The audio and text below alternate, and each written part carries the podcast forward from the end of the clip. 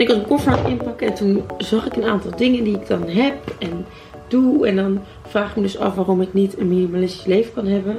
Maar het komt gewoon omdat ik mijn eigen stijl nog niet heb uitgevonden.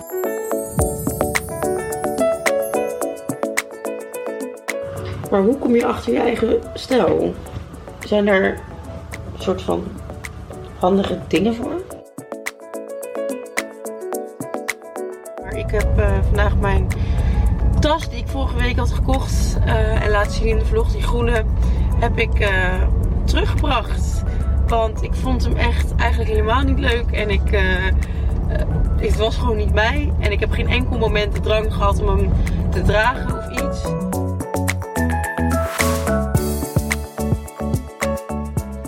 Toen Lena en ik laatst op een vliegtuig zaten te wachten, stuurde iemand op Instagram dat we zulke BFF-goals waren.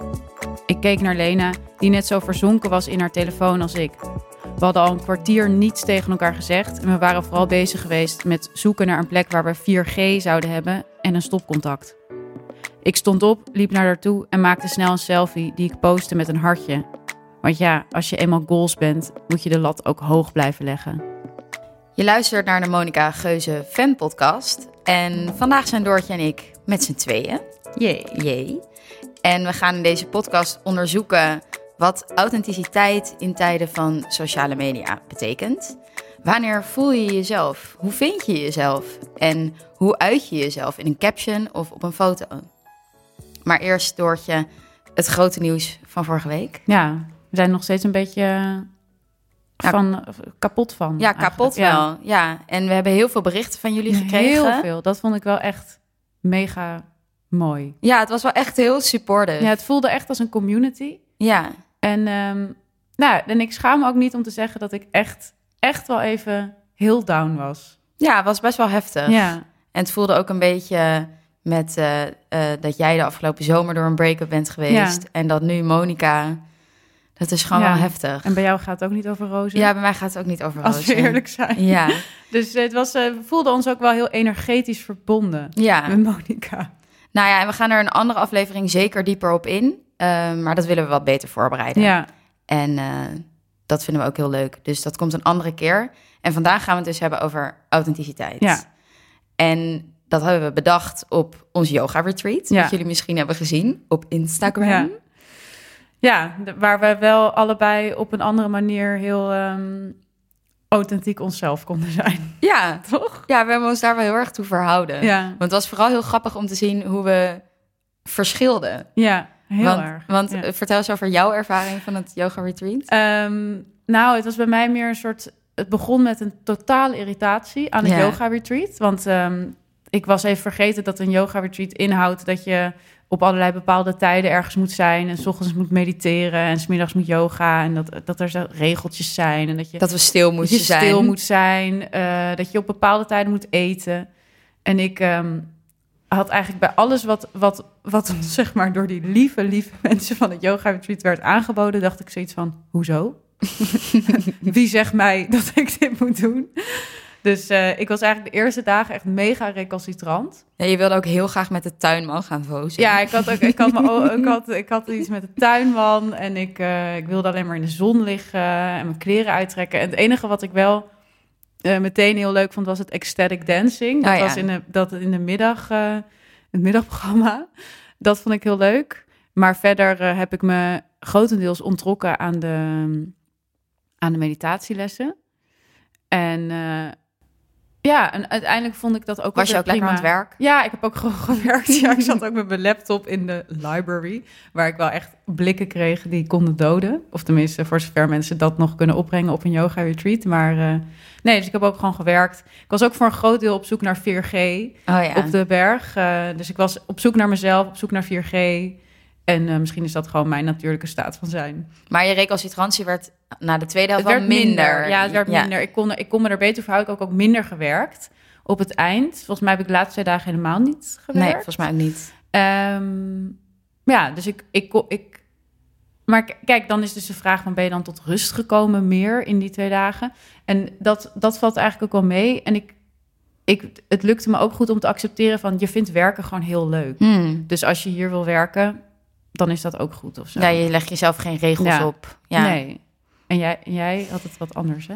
Ehm, ja, ik merkte dat het voor mij dus echt heel fijn is dat er zoveel structuur is. Ja. Dat zorgt voor mij gewoon dat ik kan ontspannen. En vooral dat ik, dat ik geen keuzes hoefde te maken. Ja. Behalve ga ik naar ecstatic dancing of niet. Nee. Ik heb het één keer gedaan. Vond het echt fantastisch wel. dat is wel echt het hoogtepunt. Dat was echt hoogtepunt. Ik heb echt over de grond gerold. Ja. Ik vond het echt fantastisch. Ehm, nee, ik merkte echt dat ik in tijden gewoon... Ik was nog nooit zo ontspannen geweest, denk ik. Ja. Ik kwam helemaal als een balletje thuis. ja, jij was echt zen. Ja, vond ik echt heel fijn. Maar jij vond het ook lekker dat je bijvoorbeeld op bepaalde tijden ging eten. Ja. Toch dat het gewoon een soort van... Ja, dat dat allemaal geregeld was, vond ik Ja. heel chill. En Terwijl het ik- gekke is dat ik juist nu ik thuis ben... meer eet wanneer ik zin heb. In plaats van dat ik denk, Oh. zeven uur eten. Ja, ja, precies. Dus je kan het dan beter loslaten. Ja. Want ik werk dat ik dan ook weer... Ik was ook steeds aan het kijken dan stiekem of er dan op een andere tijd dan het eten... Ja, jij dat ik- wilde een hack doen. Ja, dan wilde ik weer gaan hacken. Dus dan ging ik kijken van, zijn er niet stiekem nu koekjes of iets anders? En er was ook een andere groep en die was heel... Zeg maar tegelijk met ons yoga retreat en die waren echt heel... Het waren een soort handmade stil Ja, er waren een soort vrouwen. handmade stil die de hele tijd kria's aan het chanten waren. En En heel hard aan het huilen aan het huilen. En dan kwamen ze ineens weer binnen met nat haar. En dan je van, wat hebben jullie dan nu gedaan, weet je wel? En die hadden ook een ander eetschema. dus ik was ook de hele tijd heel erg bezig met hun, hun eten. Wat Ja. zij dan kregen. Dus eh, ja, mezelf tegengekomen. ja. Ja, nee, het was echt... eh, jij, jij, jij kan dus niet tegen regels. En ik vind het eigenlijk gewoon best wel lekker als iemand anders het voor me bepaalt. Want dan hoef ik niet de hele tijd na te denken wat ik zelf wil. Nou ja, maar het is dus wel... Want ik hou wel heel erg van regelmaat. Want ik, ik heb eigenlijk heel, heel weinig regels in mijn leven. Gewoon, ik kan zoveel zelf bepalen. Gewoon, hoe laat ik opstaan, laat ik gaan slapen. Maar ik, ik doe heel, bijna elke dag hetzelfde. Ja, Ik ga, weet je wel, vroeg opstaan naar yoga, dat soort dingen. Dat doe ik wel dus altijd. Maar het is op het moment dat het niet meer mijn eigen keuze is, dan Ja. word ik recalcitrant. Mhm. Nou ja, Nou, het was, het was een mooie inleiding. we waren authentiek onszelf. We waren authentiek onszelf, of in ieder geval, we probeerden En het. eh, al daar in de, in, de, in de spa bedachten we dat het misschien een leuke onderwerp zou zijn voor Ja. de podcast. Dus eh, ik begon bij het begin. Wat betekent authenticiteit eigenlijk? En dat bracht me terug bij onze filosofiestudie, bij Sartre en de existentiële filosofen. Want die, als ik het goed begrijp, ehm, stellen dat authenticiteit, dat je authentiek bent als dat eh, hetgeen wat je doet, dus je handelen, samenvalt met een soort van je kern. Dus dat je niet je laat leiden door de omgeving, door anderen, door eh, wat er van je verwacht wordt, maar puur vanuit je verlangen handelt. Dus als die twee dingen samenvallen, dan ben je authentiek. Nou ja, dus zeg maar een soort intrins- intrinsieke motivatie. Ja, daar, li- daar ligt dan misschien het dichtste bij. En het gaat dus uit van dat er een kern is van het zelf. Ehm, en dat bracht me in de, op de psychologie. Want eh, psychologisch onderzoek laat juist zien dat er niet zoiets is Ja. als, een, als een kern. Mhm. Mensen geloven dat graag, maar mensen zijn eigenlijk, als je ze onderzoekt, nooit consistent. Nee, Ehm, en ik luisterde ook een podcast van Onbehaarde Apen. Dat is trouwens echt een aanrader, een wetenschapspodcast van van NRC, NRC. hè? Ja, Ja. is echt leuk. En die hadden een aflevering gemaakt over authenticiteit. En ehm, de journalist had onderzoek gedaan of onderzoek gelezen. En daar zaten echt wel een paar grappige inzichten in uit de psychologie. Namelijk dat als mensen zich, zichzelf voelen, zijn ze het gelukkigst. Nou, dat klinkt wel een soort van logisch. ja. En grappig genoeg voelen mensen zich het meest zichzelf juist als ze handelen conform de verwachting van anderen. Hmm. En dat staat natuurlijk helemaal haaks op dat idee van Sartre, dat je juist authentiek bent als je handelt vanuit je kern. Ja, Want dan zou je denken dat dat heel vaak niet samenvalt met wat de samenleving verwacht. Maar de meeste mensen voelen zich dus het meest zichzelf juist als ze handelen zoals andere mensen willen dat ze oh, handelen. interessant. Ja. En eh, tot slot vertelde ze ook dat introverte mensen zich juist het meest zichzelf voelen als ze extravert zijn. Vond ik ook heel Ik grappig. ben, ik ben een beetje allergisch geworden voor dat introvert-extravert ding. Ik word helemaal gek van mensen die elke dag op social media 35 posts van zichzelf Doen maken dat? over hoe introvert ze zijn. Ja, net als hypersensitiviteit. Oh my ja. God. Ja, dat dacht ik al. Ja. Ja. dan denk ik echt. En ik bedoel, het, het zal vast allemaal wel bestaan, maar het is gewoon weer zo'n soort modewoordje waar, waarmee je. Waarmee ik het gevoel heb dat mensen zichzelf een soort van intellectuele relevantie of zo proberen op te leggen. Ja, ik denk dat het gewoon voor de eerste keer een karaktereigenschap is die een plek heeft in de samenleving of zo. En dat mensen graag willen laten weten van, ho, ik vind het niet per se altijd chill om heel veel te praten. en Maar dat vindt veel- toch niemand altijd chill, behalve misschien, weet ik veel, Thierry Baudet of zo. Nou, ik denk dat ik dat ook het interessante vond aan dat psychologisch onderzoek. Dat er is helemaal niet zoiets als dat je altijd introvert bent. Nee. Je bent meerdere mensen. Sterker nog, introverte mensen voelen zich meer zichzelf als ze extravert zijn. Ja. Maar ik denk dat introvert meer betekent dat je het nodig hebt om je terug te trekken. En dat Ja, herken ik zelf ja. wel. Being Nou, an introvert. Nou ja, jij, jij beschreef het op yoga retreat. Toen hadden we het hier ook ja. wel goed dat je zei... eh, introverte mensen ontspannen door alleen te zijn... En extraverte mensen ontspannen door met mensen te zijn. ja. En ik ontspan wel echt door met mensen te zijn. Ja, ik kan ik- niet in mijn eentje ontspannen eigenlijk. Hmm. Ja, nou heel ja. slecht. ja, het makkelijkste is, tenminste vind ik, om met je geliefde te ontspannen. Ehm, Ja. En misschien nog alleen nogal makkelijker. Ja. Ja? ja. Ja, ik had wel. Ik heb ook wel periodes gehad dat ik dan super onrustig ben. Dat je geen vijf minuten naar The Crown kan kijken zonder op je telefoon te kijken. Maar, Ja, ik ga dan altijd gewoon werken. oh ja. Nou, ik merk wel echt het verschil bijvoorbeeld tussen thuiswerken en op mijn werk. Dan laat ik gewoon veel meer op als ik alleen ben. Als je thuis werkt. Ja, Oh ja, nee, ik ben dus juist, ik ben dus ook veel productiever als ik naar mijn studio ga, oh ja. waar andere mensen zijn. Ja, er komt gewoon letterlijk meer ruimte in mijn hoofd als ik me niet hoef te verhouden tot, Tot allemaal anderen. anderen. Ja. Dus dat, ja, voor mij werkt dat gewoon beter. Ah, geinig. Nou ja, ik, ehm, ik was heel erg gefascineerd door die podcast van Ezra Klein met ehm, een bepaalde Neurowetenschapper. neurowetenschapper, Lisa Barrett heet ze geloof ik. Ja, ook voor de luisteraars, we zetten alles in de show notes. Ja. We krijgen best wel vragen over. Ja, er zijn show notes en Lena maakt die altijd met een monniken toewijding. En eh, die, die zijn als je in je, in je eh, Apple-app, als je luistert, als je iets naar boven scrolt, dan krijg Ja. je een heel mooie lijst van alles wat te bespreken. Een link vaak meteen naar de plek waar je het kan lezen, of plek waar je het kan kopen. Dus mis die niet. mensen. Ja. Ehm, nou ja, dat, het is een hele interessante podcast oh, naar aanleiding van haar boek. En dat ging over emoties. En we hebben vaak het idee dat emoties ons zeg maar overkomen. Dus van ik word overmand door emotie of ik voel me ineens heel erg zo of zo. Maar zij liet eigenlijk heel goed zien dat emoties gewoon een construct zijn, gemaakt door je hersenen om ervaringen te kunnen duiden of gevoelens, fysieke gevoelens te kunnen duiden. En dat die eigenlijk totaal afhankelijk zijn van de context en eh, je sociale situatie. Dus dat eh, je, geeft bepa- je, je geeft bepaalde dingen een naam in je ontwikkeling. Dus als je je eh, blij voelt, dan denk je ook, voel me blij. Of als je huilt, dan denk je, oh, ik ben verdrietig. Maar dat is helemaal afhankelijk van eh, ja, wat anderen je erover vertellen en Ja. hoe anderen. En wat zo boeiend is daaraan, is dat zij beschreef dat gewoon, nou ja, dat, dat zeg maar op het moment dat je een lange relatie hebt en die relatie gaat bijvoorbeeld uit, dan moeten je hersenen weer helemaal opnieuw jouw ervaringen en gevoelens gaan definiëren. Omdat je gewoon zo. Die hersenen maken eigenlijk steeds een soort van eh, well-educated guess. Mhm. Dus ze- zeg maar, ze, ze, je voelt iets en dan is van, oh ja, dit ken je al, want je hebt vaker deze ruzie gehad met, met je vriend, of dit, deze leuke avond gehad met je vriend of zo, of met vrienden. En dan gaan je hersenen een bepaald gevoel, eh, of je dat gevoel duiden op een bepaalde manier. Maar op het moment dat die sociale situatie is helemaal veranderd, dan moeten je hersenen gewoon weer helemaal refreshen, zeg maar. En dat vind ik zo'n, vond ik zo'n interessant idee. En ik heb ook echt het gevoel dat ik dat zelf dus heb gehad. Want ik zei ook tegen jou laatst van... Ik heb het gevoel dat ik zo authentiek mezelf ben op dit moment. En toen ik die podcast luisterde, dacht ik... Ja, daar komt het door. Omdat ik gewoon... eh, ja, de laatste tijd is het alleen maar om te verhuizen, weet je wel. Je moet zo opnieuw naar je leven kijken... en jezelf opnieuw ja, vormgeven, letterlijk. En dat gebeurt dus echt in je hersenen... die dus een nieuwe manier vinden om dingen te duiden. Ja. Waardoor je weer helemaal nou, een, een, een nieuw mens wordt op een bepaalde manier, maar dus ook een soort authentieker mens of zo. ja, en je hebt niet dat deel wat zich altijd verhoudt tot een ander. Ja. ja. Ja, en het verklaart ook heel erg het gevoel van als je net door een break-up gaat, dat je je verscheurd voelt. Dat je je letterlijk. Dat je je gewoon een half Ja. mens voelt. Ja, dat is het Ja. dus. Maar dat, omdat dat dus op een bepaalde manier echt zo is. Mm. In je hersenen, die gewoon een, een heel ehm, referentiekader ineens missen. Ja, super interessant. Ja, ik vond dat echt heel boeiend. Dus het aanrader om die eh, in elk geval te luisteren. Ja, wat ik er ook uit die podcast haalde, was dat ze vertelde van... Dus inderdaad, emoties zijn een sociaal construct.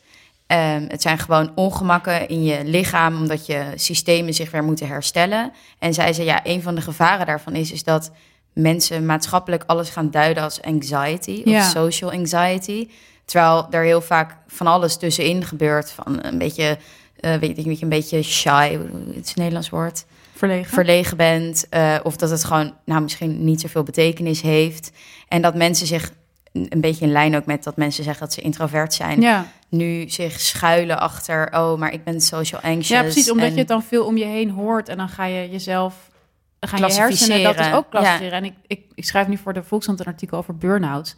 En ik denk dus dat dat daar ook aan de hand Ja. is. Dat op het moment dat iedereen een burn-out Mhm. heeft... en op social media allemaal dingen verschijnen van tien tekenen... dat jij tegen een burn-out aan zit. Ja, dan ga je eerder denken van... oh, misschien heb ik een burn-out. Terwijl misschien voel je je gewoon even een week niet zo goed. ja, of langer niet zo goed. En we weten gewoon als samenleving niet hoe we daarmee om moeten gaan. Dus Ja, moeten we het We benoemen. moeten het klassificeren. En als ja. ziektebeeld erkennen. Terwijl ik ook, dat denk ik ook echt, ik heb een burn-out gehad. Denk ook wel van ja, als het gewoon mogelijk was geweest dat ik gewoon op mijn werk had kunnen zeggen van hé, hey, ik voel me, ik weet gewoon niet wat ik voel me, ik voel me heel slecht. En kunnen we gewoon een manier vinden dat ik hier een beetje ben en af en toe Ja, misschien werk. en wat dat, rustiger aandoen. ja, dat je een beetje uit de molen stapt en dat dat wat rustiger is. Maar omdat je die ervaring niet hebt en iedereen in paniek raakt, dat je niet helemaal goed functioneert en er meteen een arbo-arts bij komt, moet het gelabeld worden en weggezet. Terwijl het zou fijn zijn als we gewoon dan kunnen erkennen met elkaar, oh, jij bent een mens en het werkt even niet. Ja, en je weet het gewoon even Nee, niet. je weet dat het is, echt En niet. dat is het ding. En dat beschrijft die eh, Lisa Barrett dus ook in die, in die podcast. Van hoe heftig dat eigenlijk is. Dat we als samenleving zo snel een label op iemand. Ja. Van, Oh, je bent depressief. Oh, je hebt een burn-out.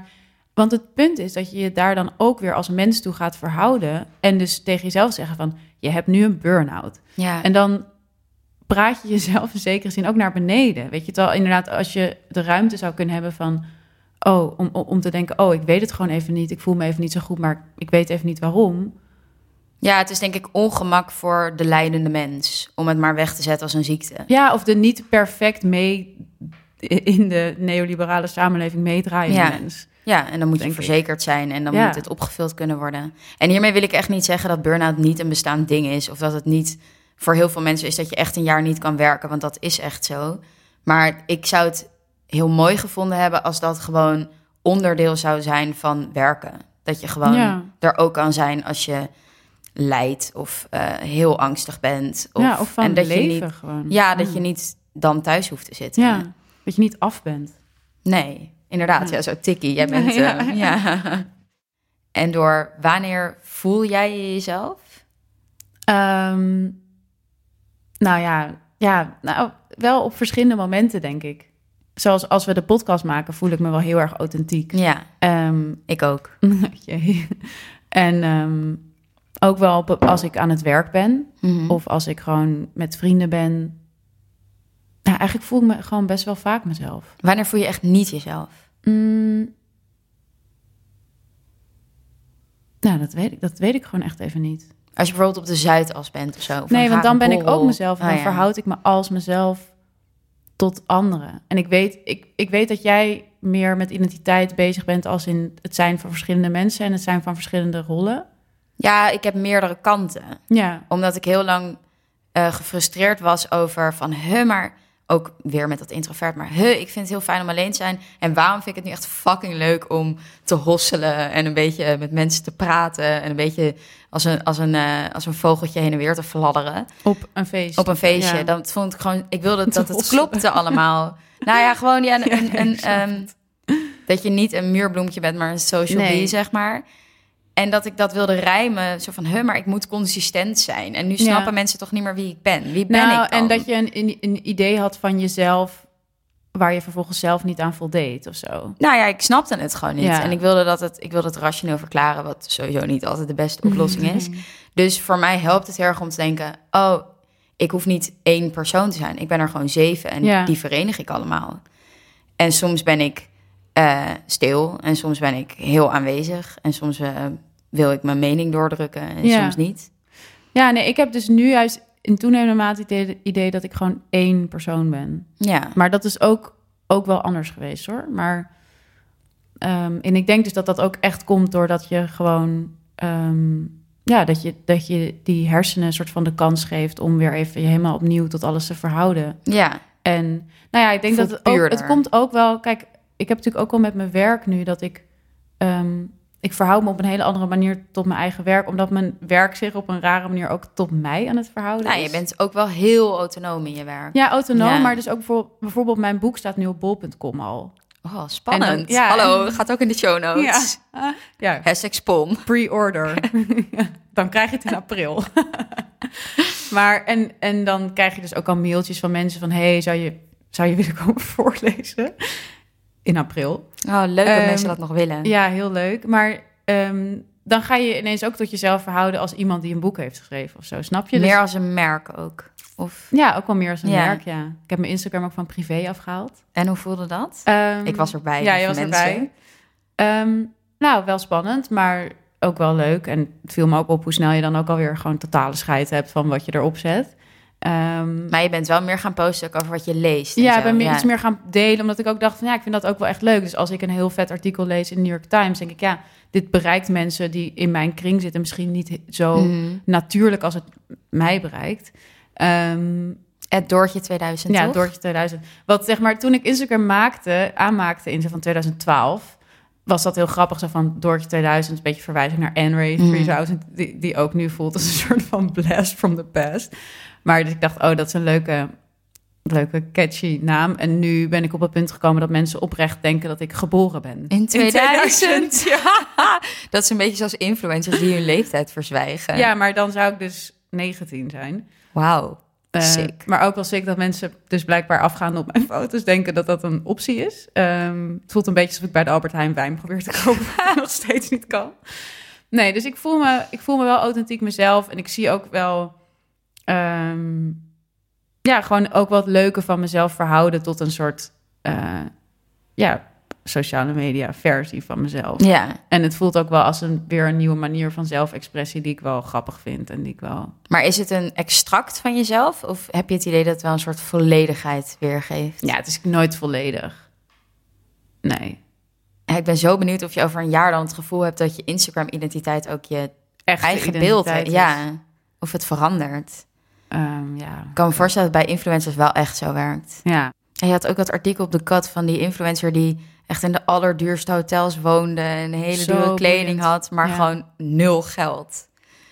Huh? Ja, ze had helemaal geen gezien. geld. Ze Is had- dat die Taffy? Ja. ja. Die had geen geld. Die Nee, woonde ze in had een heel- spon- gesponsord appartement. Ja, Ja. ja. die was gewoon, die kreeg alles gratis, maar had zelf nul geld. ja. Echt super boeiend. Zal ik ook linken ja, in de show notes. Top artikel. verhaal. Want zij beschrijft heel erg hoe ze begonnen is echt met... Nou ja, dat is misschien dan mijn voorland, zeg maar. Maar dit begon echt met een heel interessante eh, blog, volgens Mhm. mij. Hoe heet het ook weer? Was het? Ja, weet ik niet. Eh, nou ja, zo'n soort van heel culty eh, meidenblog, zeg maar. Een soort nylon-achtige situatie. En toen kwam, zeg maar, social media en dacht ze... oh, dit is wel interessant, daar kunnen we geld mee verdienen. En dan ging ze sponsored doen. En uiteindelijk werd zij gewoon helemaal een soort van eigendom van Instagram op een bepaalde manier. En dat mensen ook, als ze haar zagen, meteen met haar op de foto wilden. Omdat ze Mhm. een soort wandelende like-kanon was geworden.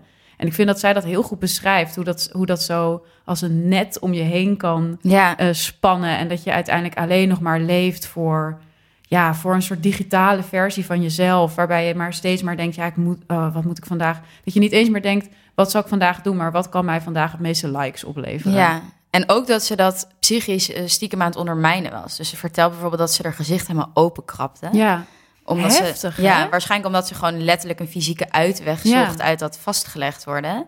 En dat ze daarom gewoon er, er enige verkoopmiddel kapot aan het maken was. He- ik vond dat heel heftig om te Ja. lezen. Ook omdat het zo, in, ik vond het zo interessant dat je dus... Ja, inderdaad, wat, wat ga je doen met je lichaam... op het moment dat je het gevoel hebt dat het niet meer van jou, Jou is? Ja, dat het geëxploiteerd Ja. wordt. Ja. En dat je het dus zelf doet ook. ja. Heel ja, interessant. luisteraars gaat dat lezen. Hey, en door, dat is misschien ook wel een bruggetje, want jij hebt in Vrij Nederland heel mooi geschreven over Lana Del Rey en authenticiteit. Vertel, wat was je analyse? Ja, vertel. Ja, Nou, even in de notendop. Nou, het ging erom dat ik... Het begon eigenlijk mee dat ik me afvroeg... waarom hou ik nou zo van Lana Del Rey? Mhm. Want zij is best wel fake, zou je kunnen zeggen. Zeg maar, hoe ze, hoe ze eruit ziet. Ze is obviously heel erg gelift. En ehm, ik heb ook wel eens gehoord dat als zij live optreedt... dat dat dan heel erg slecht is. Dus ze, is, ze hangt eigenlijk aan elkaar van eh, synthetische middelen. Het is een beetje camp. Ze is camp, ja, Ja. maar aan de andere kant refereert ze wel heel, naar hele authentieke dingen. Dus Mhm. ze, ze, weet je wel, ze citeert Sylvia Plath in haar nummers en ze is altijd heel erg vintage. En En ze is wel Eh, echt een goede muzikant, toch? Dat ja, is waar haar is status. zeker een Ja. hele goede producent ook en gewoon, ja, gewoon fucking icoon. Ehm, Blue jeans. Ja, gewoon mm, echt. En dat schrijf ik, 21. Ja, precies. Dat schrijf ik echt in mijn ding, in mijn artikel. Gewoon, ik heb het gevoel dat ik gewoon volwassen ben geworden op de soundtrack van Lana Del Rey. Ehm, en toen ben ik dat een beetje gaan onderzoeken van waar, zit hem dat dan in? En dan kom je eigenlijk bij inderdaad de theorie van, uh, nou ook onder, onder andere die Nathan Jurgensen van uh, de Social Photo. Dat, ook echt een aanrader ja, om te lezen. Ja, echt een goed boek. We hebben het al een paar keer genoemd volgens ja. mij. dat um, dat we eigenlijk in een, in een cultuur terecht zijn gekomen waarin zoveel technologie is en zoveel mogelijk is, dat we eigenlijk heel graag, als het gaat om onze eigen authenticiteit en het vormen van onszelf, willen we heel graag gaan refereren naar ja, vintage dingen. En zo uh, zeg maar beargumenteert hij ook het, uh, het ontstaan en populair worden van Hipstamatic, mm. de voorloper van Instagram, wat voor mij echt alweer voelde als zo lang geleden. Maar Um, dat, voelde wel echt nog ook creatief. Ja, maar dat is echt zo, maar dat je zo'n soort van vintage uitziende foto. Eh, want hij beschrijft het ook goed. Zegt ja, het, het, is een digitale foto die eruit ziet als een analoge mhm. foto. Dus het verwijst terug naar de tijd waarin we heel veel moeite moesten doen voor iets. Um, en, dat, en dat geeft ons een gevoel van authenticiteit. Um, en dat doet Lana Del Rey, denk ik ook, die gewoon in, in inderdaad haar nummers altijd een soort van romantisch gevoel oproept. Waarbij je een beetje denkt van, oh, de, de periode waarin je nog dagenlang op je kamer over een jongen lag te fantaseren. Sylvia Plath. Ja, precies. Sylvia Plath lezend in een nachtjapon. Terwijl we nu natuurlijk in een tijd leven waarin je zeg maar op Tinder gaat en uh, zo van in je Uber ergens heen. Zo van, het, het, mm. het, geeft, het, het, geeft ons een gevoel van authenticiteit. Um, in tijden waarin eigenlijk niks meer authentiek is, omdat alles gewoon uh, ja, super technologisch is en uh, helemaal niet meer op die manier eigen kan mm. zijn. Ligt ook een beetje in lijn met uh, Billie Eilish, toch? Zodat je op commando kan zwelgen. Zo van, ik voel me nu zo, dus ik zet Lana dus Del Rey ik zet dit op, of ja, Billie Eilish ja, het, het, het, het, beantwoordt in een behoefte van meteen een soort van context willen creëren voor je gevoel en voor je persoon. Instant gratification. Ja, instant gratification. Maar het is dus ook interessant dat het, weet je, zo'n gevoel zoals inderdaad authentiek zijn op Instagram, wat we natuurlijk allemaal proberen. Ik probeer ook authentiek te zijn op mm. Instagram, wat wisselend succesvol is. Um, maar niemand staat erbij stil van, maar eigenlijk is überhaupt op Instagram zitten ongeveer het minst authentieke wat je kan doen. Ja, want je verhoudt je ten eerste tot de spelregels van een platform. Ja. En ten tweede tot heel veel mensen. Ja. Ik vind ook echt wel, als ik ochtends meteen Instagram open, is mijn hoofd echt wel anders dan als ik zelf ja, even totaal. nadenk. En het is en het, het beïnvloedt je gedachten zo. En dat is ook wel interessant beschreven door uh, uh, Jaron Lanier, zo'n Franse techniekcriticus, die zegt: Het is zo raar dat we eigenlijk onze gedachten nu voor zo'n groot deel laten bepalen mhm. door technologie. Dus dat we tweets in 280 tekens, zeg maar je gedachten omvormen tot een tweet, is al zo'n stap. En net zoals natuurlijk dat je, dat, dat je dan denkt van, oh, ik wil echt een leuk authentiek Instagram-kanaal, maar echt helemaal niet meer nadenkt van, wil ik eigenlijk op Instagram? Wil ik eigenlijk een smartphone? Dat, dat, die stappen zetten, die hebben we al zo al collectief gezet dat we daar helemaal niet meer over nadenken. Ja, volgens mij zie je wel een tweede golf van mensen die, um, weet je wel, weer social uh, aware worden en heel erg nadenken waarom gebruik ik dit kanaal. Gen Z. Heel erg als, als, als middel. nou, ik zag wel dat nu uh, de Motorola Razer komt terug. Oh, vet. Ja, die gouden van Dolce Cabana. Jongens, ik ga helemaal die aan. Die wil ik. Maar en daar was ook het idee van, uh, weet je, enerzijds is het natuurlijk gewoon vet... omdat we houden van dingen die ons terugbrengen naar ja. 2003. Eh, ja, de nostalgie ja, weer. precies. Of ik weet niet toen het, toen het leven nog een soort van grijs gebied was. Ja, weet ik veel, dat je nog hives had. Um, maar het is ook vet eraan dat je het, uh, zo'n razor klap je dicht. Oh ja, dus zie je het letterlijk ja, niet. Ja, dus je sluit je telefoon af op het moment dat je hem dichtklapt. Ja, wat ook een hele fijne handeling is. Voelt gewoon heel voelt chill. Ja. Maar het is, het is ook een weer nieuwe manier van je verhouden tot je telefoon. Die, die iPhone, uh, die staat gewoon altijd aan. Ik ben nu dus ook op dit moment iemand die gewoon altijd zijn telefoon op niet storen of vliegtuig ja. heeft. Omdat ik gewoon, ik word gewoon crazy van de hele tijd appen. Ja en andere mensen. Ook, ja, dat vond ik ook vet. Ik weet niet of ik dat al een keer eerder heb gezegd. Dat interview met Zadie Smith, waarin ze vertelt dat zij, zij zit dus niet op sociale media. En zij beschrijft best wel goed uh, wat het met je doet als je je niet de hele tijd verhoudt tot de stemmen van anderen. Dan kan je natuurlijk ook authentieker denken. Ja. En dat, dat kan ik me wel echt voorstellen. Ik bedoel, mijn baan is natuurlijk om continu de stemmen van anderen in tweets te gieten of met te verhouden tot reacties op sociale media. ik heb het gevoel dat ik soms wel 10.000 stemmen in mijn hoofd heb aan het eind van de dag. Dat is gewoon zoveel ruis. Ja, het is wel interessant, want als het gaat om authenticiteit, denk ik dus dat we ook dat we ook sociale media en überhaupt technologie ook weer niet te snel zeg maar in het Mhm. verdomhoekje moeten gooien. Ja, Want ik heb ook het idee. nu. Ja, ik heb ook het idee dat het gewoon hè, dat soort van op die manier naar jezelf kijken en jezelf vormgeven, letterlijk. Ook, ook wel echt een hele vette manier is om juist meer erachter te komen wie je bent. Of wie Of je wie wil, zijn. zijn. Ja, precies. En dat, en dat is denk ik waar het wel heel erg bij kan helpen. En nou, zoals bijvoorbeeld laatst hoorde ik van een eh, vriendin die vertelde me dat ze dan een tijd eh, op stage was geweest in Tel Aviv. En dat ze daar heel gelukkig was geweest. En dat ze steeds dacht, ik moet echt onthouden dat ik zo gelukkig ben. En dat ze dan voice messages voor zichzelf had opgenomen. En die dan nu soms nog afspeelt. Oh ja. En dat vond ik zo'n mooie manier om zeg maar via technologie jezelf beter te ontdekken. ja. Ehm, Ja, dat doet me ook heel erg denken aan de Kardashians. Er is een van die Kardashians en die gaat dan bevallen. En dan heeft ze dus twee weken voor de een van bevalling... de Kardashians en anyone. Ja, en ik kan die namen niet uit elkaar houden, sorry. En dan twee weken voor de bevalling, dan wordt ze dus niet meer gefilmd. Maar dan gaat ze zichzelf filmen. Oh, Omdat ze natuurlijk zo gewend is dat Gewend, dat is ja. hoe zij leeft. En dat de ervaring dan pas betekenis heeft. Ja. Dat je het zelf maar gaat doen, gewoon elke dag. Oh, wat boeiend. in haar iPhone. Nou ja, de New York Times had dus een, eh, had een hele vette internet special. En die kwamen ook echt met een supergoed verhaal over een bepaalde beauty, beauty vlogger. Dat ging heel erg over dat zij juist ook, ook heel erg zichzelf had gevonden. En een manier bijvoorbeeld had gevonden om over haar emoties te praten via die beauty vlog. Mhm. Want het idee van die beauty vlog is dat ze eigenlijk gewoon... ehm, ja, ze doet make-up op, punt. Maar voor de rest heeft het alleen maar over de depressies en anxiety ook weer. En gewoon eh, het, dat ze zichzelf heel lelijk vindt en hoe ze daarmee omgaat. En eh, het is ook echt, nou, ik heb een stukje gekeken. Het is niet te doen. Misschien kunnen we hier even een, eh, Fragmentje. een fragmentje in doen. Het is echt, het gaat van de ene, het gaat zo snel en het is van ook de hele tijd haar stem vervormd en haar gezicht vervormd en het is wel, het is in die zin heel creatief. Oké, we gaan het even laten horen. Ja. I was like, I don't know if this is gonna be helpful for anyone of any sort. or if it's even valuable knowledge that needs to be in your brains. But honestly, any words said by me deserve to be in your brain. So I'm to be telling you what I'm doing right now. So I am chaotic. I'm chaotic and crazy, and my brain has been mushed recently. Ja, Antonio Garza heet ze dus, hebben we nu gezien. En ehm, ja, wat zo interessant was aan haar ook, was dat in dat artikel beschreef, beschreven werd dat zij dus in het begin was zij echt een heel grijs muisje op school en durfde ze zichzelf eigenlijk helemaal niet te laten zien. Maar toen ze dus begon met deze best wel crazy vlog, ehm, had ze ineens het gevoel van ja, iedereen heeft mijn, mijn innerlijk toch al gezien.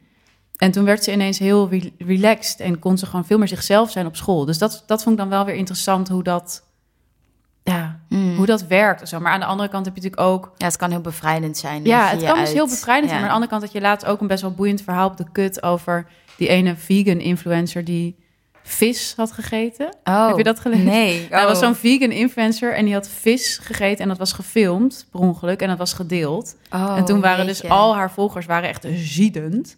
Omdat zij natuurlijk jarenlang had gezegd van... jongens, alleen maar groente en fruit, weet je wel. Zo van, vis is slecht. En toen bleek dus dat ze al jaren vis had. Omdat ze blijkbaar een tekort, een B12 tekort had. Dus dan zie je ook weer hoe het, hoe het helemaal kan backfiren. En dat je als je dan een soort van te rigide vast hebt gehouden aan je persoonlijkheid online... dat je dan... Ja, maar ik kan me ook wel voorstellen in haar geval dat ze gewoon een boodschap had en die werkt het beste als je hem zo consistent mogelijk uitdraagt. Ja, maar vind- moet je dat dan niet ook leven, zeg maar? Ja, niet als je dan ongezond bent. Ja, maar het is toch raar als je aan allemaal volgers gaat zeggen van eet Je moet alleen vis. dit ja, en dan eten. zelf wel vis eet. Ja, dat is wel een beetje raar, ja. Maar je kan zeggen, ik Ik vind dat niet, op ik vind dat niet authentiek. Nee, het is ook niet authentiek, maar je bent Ja. gewoon een messenger voor een, voor een doel. Ja, oké, maar dan ben je dus gewoon een reclamezuil eigenlijk. Ja, maar dat Ja, is dat ook is dan een keus. basically. Dat is ja. een keus. Ja. Ja. Maar misschien kunnen we het ook nog heel kort hebben over dat metamodernisme. Dat gaat sowieso ook in een andere aflevering terugkomen, want we zijn obsessed. Ja, we hebben, ik heb echt een nieuw eh, modewoordje. Ja. Gewoon een nieuw lekker woordje. Hij is uit 2010, maar wij raken hem nu op. Metamodernisme. Ja, ik kwam hem dus tegen in, dat, in de special van de New York Times. Echt, ehm, ja, in dat artikel Ja, over, het sta- die, staat in dat ja, artikel. vlogger. Ja, metamodernisme, man. Ik het vond echt een spijker op zijn kop. Want wat het dus inhoudt, is dat, ehm, is dat het eigenlijk een soort van spagaat is tussen postmodern en echt oprecht. Recht, Ja, ja. dus het is eigenlijk, je, je bent wel, je spreekt de ironie van het postmoderne, Maar aan de andere kant heb je ook zeg maar de motivatie om de wereld te veranderen van Greta Thunberg. Zeg Ja. maar. Dus, en ik heb het idee dat dat perfect inderdaad de millennial ook omschrijft. Want als ik naar zo'n Gen Z kijk, denk ik, wow, die zijn alweer best wel Die zijn alleen Die maar zijn sincere. echt klimaatmars. Weet Ja. je wel? Terwijl wij, zeg maar, ook op een klim... Ik zie mezelf wel, zeg maar, roken op een klimaatmars of zo. Weet je wel? Het is een soort van... Er zit toch bij ons altijd een soort veilige afstand, heb ik het idee. Mhm. Nou, ik heb wel ook het idee dat eh, Gen Z ook eh, heel erg is voor gelijke recht voor vrouwen, maar ook gewoon naar rappers luisteren. Is dat Gen Z of millennials? Nee, Gen Z doet dat ook. Oké. Volgens mij zijn de verhalen die nu in de media komen gewoon hele extreme varianten. Oh ja? Oké, dus Ja. ze zijn niet allemaal zoals Greta. Maar goed, dit is NS3 van ouders die ik hoor, van kinderen die in die leeftijdscategorie zitten. Maar ik kreeg laatst ook een boek opgestuurd over eh, generatie Z. Dus ik zal dat voor de volgende Oh, keer echt? lezen. Oh, ja, boeiend. dan zijn we helemaal in Maar vind jij jezelf metamodern? Nou ja, we hadden het er net al even over. Ik denk dat ik meer oprecht ben dan ironisch. Ik neem dingen wel heel serieus. Ja. Maar ik vind de ironie wel een heel leuk Ik denk, stijlmiddel. dat, ik denk dat ik metamoderner ben dan jij. In de zin van dat je fluider bent. Ja, ik kan echt, ik, kan, ik hou het zelf niet eens meer bij wanneer ik nou niet ironisch ben en wel. En ik kan kan me ik kan echt ehm, de een, het ene moment me heel druk maken over Syrië of over dat de wereld vergaat en een seconde later denken, ik heb nog steeds geen goede tussenjas. Ja, ja, dat denk ik dat ik dat ook wel kan. Oké, ja, dan ben je ook metamodern. Maar ik ben natuurlijk vanuit mijn werk wel heel veel ehm, maatschappelijk betrokken. ja, En daarin ben ik, neig ik misschien meer naar oprechtheid. Ehm, maar ja, ja. Ja, We komen hier sowieso op terug. Ik denk dat metamodern, wat eerst neoliberaal was in deze podcast, Mhm. ja wordt nu metamodern. Ja, we gaan ook gewoon over op de cultuuranalyse. Gewoon weg van dat hele economische gezeik. Daar kunnen wij sowieso weinig over zeggen. Ja, maar Dus- het is ook wel, het is wel, ik heb wel het idee dat je ook al best wel veel voorbeelden ziet van metamoderne. Bijvoorbeeld Tim Hofman vind Ja, ik heel, heel metamodern. Ja. Dat is zeg maar, hij is, heeft wel de ironie van een, van een gewoon hipster, maar hij maakt wel hele oprecht goede dingen. Wat vind je ironisch aan hem? alles? Ja? Ja, kijk, één Ik keer vind hem best boos. wel serieus. Hij is wel serieus, maar, hij, maar alles wat hij doet zit altijd zo'n grapje in, zo van politiek en zo. Het heeft, het Oh, heeft ja. iets heel. je het- kan het- nooit echt plaatsen. Nee, je kan, en daardoor maakt hij zichzelf ongrijpbaar en des te effectiever, denk ik. Ja. Ik, was ook, ik vond zijn boos-aflevering die hij naar aanleiding van eh, mijn documentaire had gemaakt echt heel vet. Mm. Omdat het ook juist weer ehm, ja, zo schipperde tussen oprecht vragen en een soort van, ook weer een soort van sarcasme. Ja, en hij is natuurlijk ook wat, wat dat metamodernisme ook is, een soort van gender fluid. Dus hij wil zich niet per se identificeren met klassiek mannelijke eigenschappen. In dat Volkskrant magazine Ja. interview van afgelopen week, zal ik ook in de show notes zetten. Ja. Heeft hij het ook heel erg over waarom die niet echt per se iets heeft met mannen dan wel vrouwenkleding. Nou, en hij, hij beschrijft denk ik ook heel goed een soort eh, gevoel wat best wel veel mensen hebben. Namelijk dat hij super rationeel is, maar ook heel emotioneel. Ja. En dat hij daar gewoon steeds mee ehm, ja, aan het worstelen is. Mhm. Ik vind dat ook echt de moeilijkste worsteling. De hele tijd mijn emoties rationeel verklaren. Het is echt Ja, zo maar tiring. dus niet meer Weer doen. Ja, Ja, maar dat is wel lastig. ja, jij, ja, ja, ja, daar hadden we het ook over op retreat, dat jij dat lastig vindt. Ja, ja ik, zit, ik ben wel echt always analyzing. Ja, Maar goed. maar wat, ehm, want dan analyseer je wat je voelt. Of ja, waarom wat de oorzaak voelt. is, Ja. waarom, wat ik eraan kan doen. Ehm, dat is misschien ook wel een bruggetje naar mijn, mijn grote heldin Susan Sontag. Mhm. Zij eh, is als je haar tekst leest echt super stellig en in mijn ogen heel authentiek. En ik Ja. lees nu haar biografie van Oh Benjamin. Moser. Die Ja, van Moser. Nou, ik, enorme pil. zo dik. Ja, ik vind het gewoon een hele chille manier van lezen. zo lang heeft zij ook niet geleefd. Nee, hij is wel echt lang van stof. Ik denk wel bij alles, ik weet niet of jullie dat filmpje kennen. Mand. Gewoon, dit kan korter. Maar het is wel een soort van meditatieve manier van lezen of zo. Maar dan lees je dus hoe mega onzeker en zelfconstruerend zij is. Ja. Dus ze schrijft zichzelf de hele tijd een soort axioma's voor. Van, ik moet meer Griekse tragedies lezen. Ik moet In haar- Duits leren. in haar dagboek Als ze echt. 13 is. En Schrijft het in een dagboek? Of- ja, Oh, ja, ze schrijft heel veel dagboeken. En de heet het over. Ze beoordeelt de hele tijd haar eh, lichaam, haar lichamelijkheid, hoe seksueel ze is, hoe emotioneel ze is, hoe ze verhoudt tot anderen. En nou, zo extreem ben ik niet, maar tot een zekere hoogte herken ik het wel. Mhm. Ehm, Maar dan is aan de buitenkant heel stellig. En... ja, terwijl ze zelf de hele tijd aan het evalueren is Ja. eigenlijk. Maar waarom ik haar een heldin vind, is omdat ze eigenlijk precies bepleit wat wij doen in deze podcast. Namelijk dat de scheiding tussen hoge en lage cultuur niet zinvol is. Maar dat je lage cultuur net zozeer serieus moet nemen om iets te leren over Ja. de wereld waarin je leeft. Dus dat vond ik gewoon heel cool om te lezen. Ik dacht, Ja. veel op zijn plek. Mijn heldin zegt dit ook. Ik lees Ja. nu Notes on Camp, is ook fantastisch. Nou, ik vind uh, On Photography ook vet. Die had Ja. jij mij aangeraden. ja, dat echt past ook heel erg eh, Ja. bij Instagram. Ja, maar en, en als je dat dan leest over haar, zeg maar, wat, wat leer je daar dan van? Als je dan bijvoorbeeld over haar leest dat zij dan zo onzeker was. Mm, nou, meer dat ik eh, wat milder naar mezelf wil zijn. Want als ik dit lees, denk ik, jij was echt een zwaar ongelukkige vrouw. Die alleen maar aan het struggelen was met haar eigen zelfbeeld. Ja, dat wil ik niet. Zij was Ja. in dat opzicht een soort eh, merk avant la lettre. Dat ze ook helemaal... Ze had wel een soort bohemian brand identity van zichzelf gemaakt. Met een heel duur penthouse in New York. En altijd elke dag naar Bohemian Brand Identity, sowieso mijn favoriete woord. Ja. Eh, allemaal, en terwijl ze dat niet kon betalen. Dus Oh, alles wauw. hoog houden dat je echt een publieksintellectueel bent. Dat, dat wil ik niet. Wow, inderdaad, het is echt heel erg in lijn met die eh Tavi Gavinson. Die eigenlijk gewoon Ja, op een gegeven moment gewoon door een Instagram filter leeft. leefde. Ja. Ja. ja. zij moest natuurlijk ook vasthouden aan haar stelligheid. Ja, qua, qua authentieke helden. Ja, ik, ik ben natuurlijk altijd, nog altijd heel erg fan van Joan Didion. Mm. Ik, eh, ik luisterde laatst ook zo'n grappige podcast met haar. Dat was er wel een tijd geleden opgenomen. Want ik heb begrepen dat ze nu inmiddels toch wel zo oud is dat ze niet meer echt kan praten. Maar eh, in, dat, in dat interview vraagt dan de, de, de interviewer, en dat is ook een soort fangirl, maar dat is ook wel leuk. Die vraagt dan van ja, hoe denk je dat het komt dat je zo niet bekend staat als fictieauteur? En dan zegt eh, Joan Didion zo: Oh ja, I think that's because my non-fiction work sold so well. En dan vond ik echt zo'n ace Mm. antwoord. Dacht ik echt, ja, tuurlijk. Het is niet dat haar, haar fictie zo slecht heeft verkocht. Het is gewoon dat haar non-fictie zo goed heeft verkocht. Ehm, maar ja, nee, zij, zij heeft genoeg meegemaakt. Ik bedoel, ze, ze is journalist geweest in de jaren 60, 70. Vooral heel actief voor allerlei tijdschriften en, eh, en, en bladen. Volgens mij niet echt voor kranten, maar... En ze was getrouwd Ze begon met- bij Vogue, toch? ja, ze begon Ja. bij Vogue als een soort stagiair. En de, nou ja, the rest is history. Ehm, en ze heeft echt een paar totaal invloedrijke boeken geschreven, werken geschreven, zoals natuurlijk Slouching Towards Bethlehem en The White Album. Ik vind haar journalistiek echt meesterlijk. Maar ook een leven geleid waarvan je denkt, jezus, weet je wel, inderdaad, dochter overleden eerst. Nee, eerst haar man. Eerst haar man, Ja. met wie ze een heel ingewikkeld huwelijk had ook Mm. toen haar dochter, aangenomen dochter, want ze kon Ja. geen kinderen krijgen. Weet je, echt, echt wel de works of zo. Ja, dat boek was voor mij wel echt een mega troost toen ik rouwde om mijn vader. The Year of Magical, Year of Thinking. Magical Thinking, Kan ja. ik iedereen aanraden. Ja, echt het is zo mooi. Echt prachtig. En dat vind ik zo mooi. Ik bedoel, als, het, als we het hebben over authenticiteit.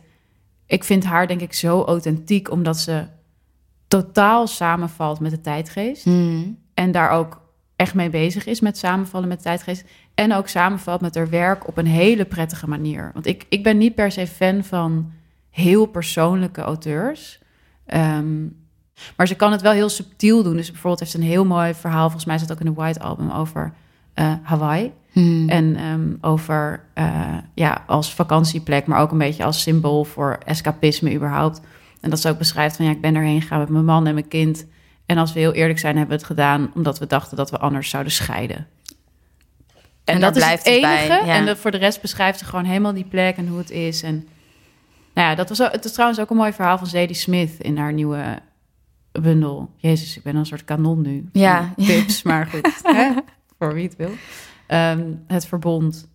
Waarin ze allemaal verschillende, eigenlijk verschillende werken van, van Zadie... gewoon van de afgelopen twintig jaar of zo gebundeld. Best interessant. Maar daar zit ook een heel mooi verhaal in. eh The Slow River heet het, geloof ik. En dat gaat ook over zo'n vakantieplek waar ze dan heen gaat. En dan Mm. heel erg symbool staat voor dat Europeanen zeg maar, naar Lorette Mar gaan... maar niet eens weten waar dat ligt. Ja. En ze van zich zorgen maken over een brexit, maar eigenlijk geen idee hebben wat er nou in de Spaanse politiek gebeurt of zo, weet je wel. ja, goed onderwerp wel. De, de reizende mens. Dan moet ik ook de met brexit. nee, nee jongens, geen politiek. Nee, maar dan moet ik ook meteen denken aan On Photography van Susan Sontag. Hoe ze beschrijft hoe toeristen die zich even geen houding weten te geven... omdat ze uit het werkende leven zijn Ja. gestapt... En daarom maar gaan fotograferen om maar Zo weer een handeling te hebben. Omdat ze zich gewoon, omdat ze zich op een bepaalde, ook misschien op een technologische manier willen Mhm. verhouden tot hun omgeving. Of een inderdaad aan het werk manier. Ja, ja. dat je toch actief je verhoudt tot je omgeving in plaats van dat het je overkomt of zo. Ja, ik vond dat heel interessant. En weet je wat ik ook leuk vind aan dit soort helden of heldinnen dan in dit geval? Dat het, dat het je ook weer vormt in je authenticiteit of zo. Mhm. Dus dat ik heb echt het idee dat ik een betere journalist ben doordat ik heel goed kijk naar het werk van Joan Didion. Ik ben echt een beter mens geworden door Monica Geuze. Door Monica. Ja, sowieso. Ja? Nee, serieus, die scheidattitude. Uh, Gewoon als ik naar haar kijk, denk ik, wow, jij hebt zo'n geen, of tenminste hoe het lijkt, geen zelfhaat, zelfdoubt. Dat vind ik oprecht heel, ja, dat heeft me echt wel gevormd, deels. Nou ja, en vooral dat ze zo niet oordeelt ook naar zichzelf. Ja. Want we hebben net even gekeken naar ehm, de break-up de vlog. break- break-up vlog. En dan begint ze ook die hele monoloog over haar en Lars met... God, nou sorry hoor, mijn haar zit echt niet of Ja. zo, weet je. En dan denk ik... Ja, ik vind dat zo relaxed dat zij zich op die manier tot zichzelf verhoudt. Ja, ze corrigeert zichzelf niet de hele tijd. Dat vind ik heel chill. Nou ja, en ze maakt zich ook niet druk op het moment dat ze het wel doet. Ze denkt Mm. van, ja, ik vind mijn haar nu niet zitten. Oké, ik benoem het en ik ga door. Ja, zo. niet weer een metalaag daaroverheen. Ja. Ja. nee, dat vind ik ook heel fijn.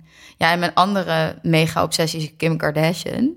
En wat ik aan haar heel authentiek vind, is dat ze ook zonder te oordelen over zichzelf de raarste obsessies en fascinaties achterna gaat en uitzoekt. Dat vind ik oprecht zo chill. Ja, je bent een beetje verliefd op Ja, ik Kim. ben echt een beetje verliefd op Kim. Heb ik ook al gezegd op Instagram. Ja. Nee, want ze heeft dan bijvoorbeeld een obsessie dat ze wil weten wat er gebeurt met mensen als ze dood zijn. Dus hoe ze er dan uitzien. En dan gaat ze echt helemaal naar een mortuarium en heeft ze iets van, maar dan verandert je gezicht toch? Oké, maar wat kan ik er dan voor doen dat ik er precies zo uitzie als ik doodga als levend? Dus dan is ze al helemaal bezig met de make-up lijn voor overleden mensen. En dan gaat ze op griemcursus. Ik Love vind it. het echt, zeg maar, een sign of the times. Ja. In, zeg maar, perfecte vorm. Nou, dan denk ik meteen, ja, dat, dat moeten we analyseren. we, dat willen is toch ons, bizar. we willen onsterfelijk zijn. Ja. We kunnen het niet aan dat we in de digitale age ook een analoge versie van onszelf zijn die doodgaat. Ja, misschien dat op een dan- manier die jij niet wil. Ja, nee, dat, Ja. Is, dat is misschien wel het enige ehm, wat we nu niet meer kunnen controleren. Weet je wel, we kunnen Nou, ons- steeds meer, want mensen willen gewoon een pil in de pap. Ja, nou ja, en of je laten invriezen. Of, Ja. weet je wel. Dus ook dat wordt. Je wil eigenlijk ook sterven op een authentieke manier. Ja, ja, nou, of als een performance. Ja. ja. Nou, inderdaad. En dat is, in, dat is wat. Dat vond ik heel interessant in eh eh, het boek van Gia, Trick Mirror. Eh, wat we inmiddels al zo vaak hebben genoemd dat mensen. Een soort van. Maar luisteraars, als jullie dat nu nog niet hebben gelezen. New Yorker journalist. New Yorker journalist. eh, dat zij beschrijft dat je altijd performt. Mhm. Eh, dus dat, nou, dat je identiteit voor een groot deel performance is. Dus dat, dat is een theorie die al heel lang bestaat binnen de sociologie. Dus dat je, ehm, dat je identiteit vormgeeft aan de hand van, hè, van nu ben ik op mijn werk, nu ben ik met mijn vrienden. En dat je steeds een soort rolletje speelt. Maar dat je ook af en toe backstage gaat. Dus dat Ja. je dan eh, even alleen thuis bent of zelf. En dat die wisselwerking zorgt voor een identiteit. Maar zij zegt eigenlijk, ja, op het moment dat je altijd een camera op jezelf gericht hebt door social media, moet je altijd performen. Dus kan je nooit uitstaan, Mhm. zeg maar. En wat doet dat dan met je? En dat, dat doet dan dus misschien inderdaad met je dat je je gaat zorgen maken over hoe je eruit ziet als je, je dood doodgaat, bent. ja, er is geen coulisse meer. Dus dan ga je op Maar heb jij het idee dat Kim performt? Ja, ja, ze is natuurlijk wel echt opgegroeid in de kamer. Ja, zij performt wel. Maar ze kan dat gewoon fucking goed. Maar zou zij dan authentieker zijn of minder authentiek? Omdat zij Nee, ik is denk dat zij ook heel goed uit kan gaan. Ja? Ja, denk het wel. Denk je dat zij soms echt zo van even met een joggingbroek op de bank... Ze heeft alleen maar joggingbroek aan. kan, dat is jij, haar... kan jij, wil je even eten bestellen? Ja, denk wel. Ze zijn sowieso heel erg gericht op familie. Ik, ja, ik denk dat ze dat wel kan. En ze is ook best wel authentiek in de zin van... eh, ze kan wel echt schaamteloos onaardig doen en eh, manipuleren. Of dat ze, het opeens, dat ze iets verkeerd gedaan heeft en dan gewoon van de radar verdwijnt. Oh, echt? Ze probeert niet de beste versie van zichzelf te zijn. Nee. En dat, dat vind ik echt heel chill. Ja. En heel Oh, interessant. dat is wel cool. Want je ziet ook gewoon wat haar obsessieve geest doet en waarom ze zo'n fucking goede zakenvrouw is. Nou, ik heb al heel lang dat boek van haar, dat Selfish. Oh ja. En dat ligt ook... eh, we nemen bij mij thuis op trouwens, voor, voor Change. En ehm het ligt daar op een soort altaartje. Ehm, en het grappige is dat daar bijvoorbeeld... Daarin heeft ze dan... Dat is een verzameling van allemaal selfies. Ehm, en daarin heeft ze ook een eh, soort van X-rated section... waar ze dan allemaal naaktfoto's heeft opgenomen... die ze dan naar Kanye had gestuurd. En ik denk altijd als ik die X-rated foto's bekijk... wat ik af en toe gewoon even doe... het kan bijna niet anders dan dat je al wist toen je deze foto's maakte... Ja. dat je ze ging publiceren. Ja, dit is performance. Maar ja. dat is het verhaal erbij van ze waren eerst Ja. privé, maar nu... Ik bedoel, ook die sekstape van haar... Ja, Die heeft ze toch gewoon zelf uitgelekt? Ja. Dat kan toch bijna niet anders? Ja. Ja, zij is een en al performance. Ja. Maar ik vind er echt niet minder authentiek Nee, maar dat daardoor. is dus interessant. Dat is, dat, dat is gewoon een nieuwe vorm van identiteitsvorming. Ja, dan. dat je dat schaamteloos bent. Maar ik vraag me dus wel af wat er met haar zou gebeuren... op het moment dat er zeg maar een maand geen camera op haar gericht is. Ik denk dat ze dat prima kan handelen. Ja, denk ja. je? Ja, ze Ik is- zou dat echt een vet experiment vinden. Nou, ik vind Een soort dat... omgekeerd super streamy, weet je Ja. wel, van Nicolaas Veel Ja. en Tim den Beste, maar dan zo van super streamy not. Ja, maar volgens mij haar zusjes die zijn dus wat minder, minder sterke persoonlijkheden. En die zie je dus als er geen camera op zich zit, dat ze zelf gaan filmen. ja, dat ze dan zichzelf en bij. Kim heb ik het gevoel dat zij het heel erg ziet als een middel. Zij weet gewoon, dit is mijn kanaal, dit is waar Ja. ik mijn producten plug, dit is waar ik mijn merkidentiteit bouw. En daarna zet ik de camera gewoon uit. Ja, het is wel interessant. Ik, heb dat, ik, le- ik ben nu op de helft of zo van het boek Kardashian Culture. En daarin wordt ook beschreven dat... eh, Doortje leest alleen maar boeken, mensen. ja, ik, ik ben echt veel boeken Ja, aan het lezen of zo. Dat is ook, it. Ja, dat zou, dat zou ook wel nieuw of zo. Maar ehm, daarin beschrijft die auteur ook dat... je- dat ehm, nou ja, dat, dat, dat zij zo goed gekeken heeft naar Madonna en Elizabeth Mhm. Taylor... en eigenlijk gewoon... en Paris Hilton natuurlijk, haar Ja. voormalige beste vriendin. En dat ze eigenlijk alle, alle goede dingetjes van hen genomen heeft... en Ja. daar een soort van supermens van heeft gemaakt voor zichzelf. Ja, Nou, zo ja ze is echt fascinerend. heel slim. Ik ga dat boek sowieso naar jou lezen. Ehm, ja, dan hadden we nog authenticiteit en je persoonlijke stijl. Ja, want wij waren allebei wel heel erg eh, gefascineerd door, door het fragment waarmee we begonnen zijn over dat Monica dan die tas Mhm. heeft ze een tas laten bepalen door haar volgers welke tas ze ging kopen. Ja, Chanel op Instagram. tas. Volgens mij knalblauw fuchsia. Een soort fake fur of zo. Ja, van Toch? Chanel. Dus dat is gewoon een tas van 3000 Ja. euro. Dat je dan overlaat aan, Ja. aan je Wel volgers. Ace of zo. Maar...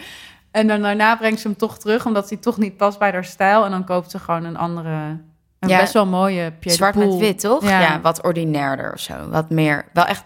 Ik vond die fake fur veel ordinairder. Nou, die vond ik wat eclectischer. Ja, ja. Die was wat meer wack. meer vet man. Ja, en die ander was meer tijdloos. Ja, ik vond die Pierre de Poel wel echt Oh, ik zou sowieso cool. voor faux fur gaan. Ja, ja lekker Nee. campy. Love it. Maar jij bent ook gewoon meer faux fur en ik ben Ja. meer Pierre de Poel. Ja, want hoe zou jij je persoonlijke stijl Het omschrijven? was sowieso heel grappig dat we maken altijd een Google Doc eh, voordat we de podcast doen. En Leen had het Acht pagina's Ja, dat was keer. heel lang deze keer. Eh, we hadden gewoon te veel te zeggen. Maar Leen had dus opgeschreven van wat is jouw persoonlijke stijl? En dat ik een heel verhaal over mijn schrijfstijl en wie ik wil zijn als journalist. En daar, toen bedacht ik me later van, nou, je bedoelt natuurlijk gewoon kleding. Stijl, ja. ja. ja, ik vind dat echt heel lastig. Ik, ik merk dat mijn stijl best wel is veranderd de laatste tijd. Ehm, het is zo basic nu. Ik Mhm. draag gewoon eigenlijk elke dag een spijkerbroek, Dr. Martens en een trui. En is dat gewoon vanuit een soort van doelgerichtheid, dat het meer een praktisch doel dient? Of voel je daar gewoon het beste in? Ik vind mezelf ook wel gewoon goed staan op dit Mhm. moment. Ehm, en, ik, en, en ik ben altijd wel bezig met proberen er niet al te bekakt uit te zien. Ah, omdat je een bekakt hoofd hebt. Het schijnt zo te zijn. En dat, dus ik merk dat dat het een beetje wil downplayen. ja. Maar aan de andere kant vind ik het ook leuk om daarmee te spelen. Dus ik vind het ook leuk om juist zeg maar, zo'n Chanel-achtig vestje dan aan te doen. ja. Maar dan wil ik wel weer met een Levi's broek of zo. Ehm, nou, ik heb laatst zelfs een North Face jas gekocht. Nou, dat durfde ik echt bijna niet aan mijn moeder te laten zien. Ah, ik vind jou wel stijlvast. Heel stijlvast, ja. Ik blijf toch wel geïntrigeerd door mode, omdat het ook iets zegt over de tijdsgeest. Want wat is, nu, wat is nu in de mode dan? Eh, Ik heb echt geen idee. Nou, sowieso meer androgyn. Dus Ja. vrouwen dragen meer mannenkleding en mannen meer vrouwenkleding. Ehm, ja, Maar dat is niet echt nieuw, toch? nee, zo een paar jaar Ja. gaande. Eh nou, de lange leren jas zie ik overal. Ja, ja. Ik heb hem aangehad, ik voel het niet. Maar Ja. dat is dus hoe ik het leuk vind om het te verhouden tot mode. Van ik doe het aan, voelt het als mij. En als dat niet zo is, dan hoef ik het ook niet te hebben. Ehm, en verder ben ik dit seizoen wel minder op de hoogte. Dus ik denk ook wel, dat is natuurlijk het ding. En als je niet meer 18 bent, dat je Ja, gewoon kleding net zeggen. kleding voor een langere eh, tijd hebt. Dus dan ga je ook meer oud, nadenken. man. ja, je gaat meer nadenken van hoe lang wil ik Nou ja, ik aan? zit nu wel echt, ook echt in een fase dat ik gewoon... Ik had laatst bijvoorbeeld mijn rider pants aan. Ja, van de, van, de American, Apparel, waar ik nog in heb gewerkt. In de American Apparel. Ja, Toen ik 19 was. Dus Ja. bijna tien jaar later heb ja want ik had hem van zolder gehaald. En Ja. toen kwamen we er eigenlijk achter, het is best wel een Best chill wel een product. leuk ding. En een soort van... Het, Nou, die hele Diana-stijl is natuurlijk heel erg in de mode. Ja. Daar past het wel in. ja, precies. Dus, Ja. Dat, dat, dus eigenlijk vind ik gewoon nu, zeg maar, mijn- mijn rider pants met... eh, ja, nou, nou, als bijvoorbeeld als ik mijn rider pants aan heb, dan vind ik het wel heel leuk om gewoon een, een Ralph Lauren trui aan te doen. Dat ik Ja. gewoon zeg van, fuck it, ja, het is ook wel wie ik ben of zo. Ja. Maar ehm, nee, dus dat, dat zou ik zeggen als mijn persoonlijke stijl. Maar ik was wel, toen ik dus eerst nadacht over persoonlijke stijl als zeg maar schrijfstijl, ehm, was ik, nou ja, toen dacht ik ook, in zekere zin is het ook een beetje zoals mode, dat je, als je nu terugkijkt naar foto's van toen je 16 was, dat je denkt, oh mijn god, dat ik dat aan had. Weet je, dat, ik heb het idee dat dat in elk geval voor mij en voor meer mensen ook als maker, dat je op die manier ook je persoonlijke stijl vindt het duurt gewoon lang voordat je weet wat je wil maken. Hmm. Als journalist of als ja, schrijver of muzikant of überhaupt creatief persoon. En dat, ik, ik, ik las, ik, ik kwam een heel interessant, eh, interessant citaat van Ira Glass tegen, de maker is van... een eh, Classic citaat onder ja, makers. Ja, van, eh, van, van This American Life. Ja, het is best wel doodgeciteerd. Maar goed, hij, hij zegt in dat citaat... Het is uit een speech die hij volgens mij op een of andere universiteit of zo heeft gegeven. Ja, volgens mij een YouTube-video over Finding Your Ja, het Voice. klinkt ook heel ja. TED-talk-achtig. Maar dat gaat inderdaad over finding your voice. En hij zegt eigenlijk van... Een, een groot deel van het begin van je carrière... ga je dingen maken die je eigenlijk heel stom vindt. Mhm. Maar jouw stijl is er al. Alleen hij moet gewoon nog ontwikkelen. En, en dat kost tijd. Dus daarom ga je dingen maken waarvan je denkt... waarom is het niet beter? Mhm. Waarom is het niet meer wat ik wil? Ja, hij zegt ook, juist omdat je een goede smaak hebt, weet je dat wat je maakt niet je goed dat het niet is. goed is? Ja. en dat heb ik zelf ook zo gehad. Gewoon in het begin, ehm, toen ik nog veel schreef voor krant en zo... dat ik gewoon artikelen schreef waarvan ik dacht... I don't care eigenlijk of zo. Mm. Zo van, waarom heb ik dit gemaakt? En het duurt gewoon zo lang voordat je dan uiteindelijk ergens komt... waarvan je denkt van, oh ja, dit is precies wat ik wil maken. Dit past heel erg bij mijn stijl. En ik merk ook dat je op, op het... Ja, op, op het moment dat je daar dan bent... dan voelt het ook heel logisch of zo. Het is eigenlijk een beetje hetzelfde als met een baan. Zo Nou van ja, het ja. idee dat je meteen je droombaan gaat vinden, Dat is, best wel niet. raar. Ja, en ik heb het idee dat wij, zeg maar, als generatie Hmm. veel te veel verwachten van onszelf dat we daar meteen zijn. Ja. dat kost gewoon, dat kost gewoon minstens tien jaar, denk ik. Ja, eigenlijk. of de goede relatie. ja, ook dat. Alleen. en nou ja, dat was. Ik vond het interessant dat ik dat ook terugzag toen bij andere mensen. Dus zo'n Alison Roman, van wie ik heel, heel erg fan ben, die zei dat dan ook in een. eh zij heeft een nieuw kookboek uit, dus ze had- geeft dan allemaal interviews. En zij zei ook, ja, ik heb gewoon best wel lang bij BuzzFeed gewerkt Hmm. en bij Bon Appetit. En daar gewoon dingen geschreven waarvan ik dacht, meh, maar toch maar gedaan. En uiteindelijk is zij gewoon een ace vrouw die heel duidelijk eigen, eigen brand heeft en eigen stijl. En gewoon echt zo, ik vind haar zo cool. Hmm. Ehm, en daarom vond ik het ook zo geruststellend om dat ook weer van haar te horen, dat zij ook gewoon door dat soort fases is gegaan. En ik denk ook dat het, dat het je als maker ook versterkt om door dat soort fases te gaan. Dus ik vind bijvoorbeeld nu iemand als Harry Styles. Ja, Die love vind ik echt Harry zo Styles. cool. Ik wil hem gewoon zijn. Oh, nou, over stijliconen gesproken. Mhm. Gewoon al zijn kleding zou ik gewoon zo aandoen. Maar ja, hij heeft ook in One Direction gezeten. Ja, En zeg maar rare periodes meegemaakt. Maar hij, hij oont dat wel of zo. Mhm. ja, niet bang voor zijn geschiedenis, ook niet bang voor iemand anders kunnen zijn. Het is weer heel metamodern. Ja, En ook niet per se dat je dus een consistente identiteit hebt, maar dat die fluïde is. nou precies. En dat je inderdaad gewoon accepteert van... het gaat niet altijd meteen perfect zijn. Het gaat niet altijd meteen... Ja, je moet ook gewoon rare dingen doen. Nou, en ik denk dat ik dat lastig vind aan, zeg maar, van die hele vergankelijke mode. Mhm. Dat het zo... Het voelt ook als een quick fix of zo. Zo van, als je dit koopt, hoor je erbij. Ja, En ben je cool. ja dat, is, dat is een beetje die authenticiteitsparadox, toch? Dat is ook uit de psychologie dat je... Mensen willen aan de ene kant heel graag uniek zijn... en aan de andere Ja. kant er heel graag bij horen. Nou, Optimal precies. distinctiveness. Optimal distinctiveness, oké. Ja. Eh, en dat is toch wat je dan ziet bij iets als Daily Paper. Dat, dat, Ja. gewoon, dat was dan twee of drie jaar geleden, was, was je echt een soort van early adopter persoon als je dat koopt. Maar fiets nu een keer langs de Daily Paper op de Bilderdijk staat en je zegt van een rij aan mensen die ze van... Maar daar- ook niet een exclusieve rij. Nee, het is gewoon, Gewoon het is een in soort de, CNA. voor de gabbel. Ja, ja. ja. Nee, want ik was ook nu een boek aan het meteen lezen. ons sponsordeal met Paper. Verneukt. Past ook helemaal niet bij onze brand identity. Maar als jullie het alsnog willen. ja. Ehm, ik las ook een boek dat heet This is not a t-shirt over het kledingmerk The Hundreds. Dat is zo'n streetwear Oh, merk. ja. Het is echt een heel Is dat met interessant dat boek. bommetje of zo? Ja, met dat bommetje. En eh, dat eigenlijk dat hele boek gaat over wat is een authentiek kledingmerk. En dat is gewoon, dat zijn twee guys die begonnen zijn in een letterlijk een garage en gewoon t-shirts maakten die ze vet vinden. En dat zijn ze gewoon blijven doen. En ondertussen kwam Supreme op en het werd heel groot. En gewoon puur Ja. omdat ze alleen maar bleven bij wij willen dit maken. Maar Supreme is ook nog wel cool, toch? Ja, maar Supreme is wel een soort van eh, globaal.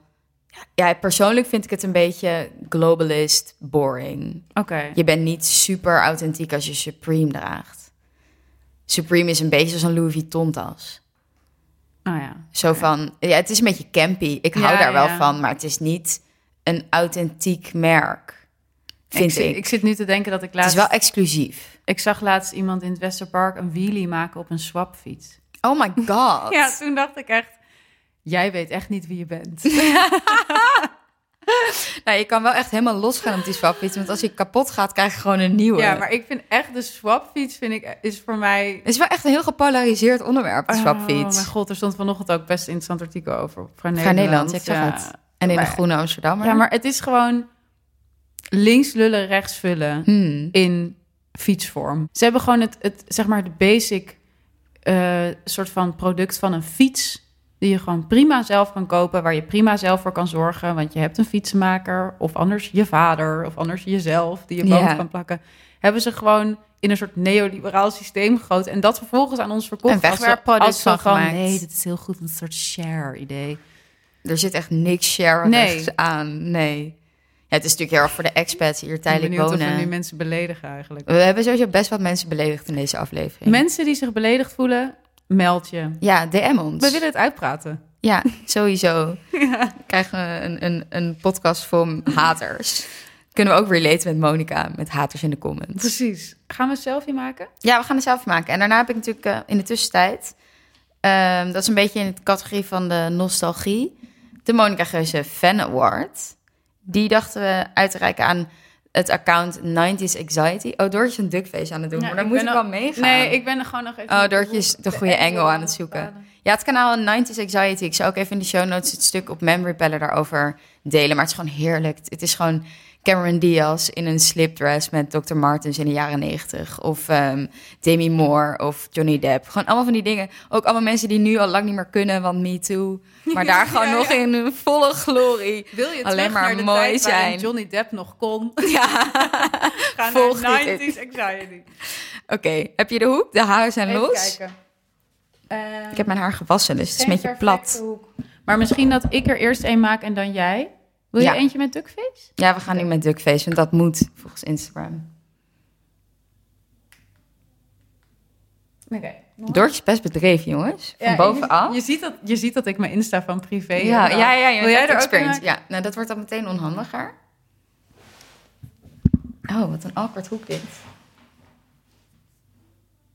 Waar druk ik naar? Ja, op het eh, geluid. Oh, oké. je hem uitgezet. Ja, ik heb hem uitgezet. ik, ik voel me nu echt...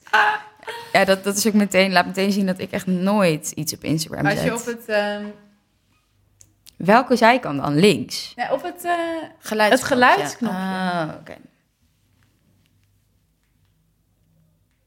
nou leuk. Jeetje, jongens. Ik ben zo fake. Oké.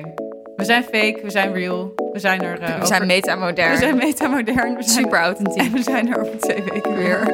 Doei. Doei.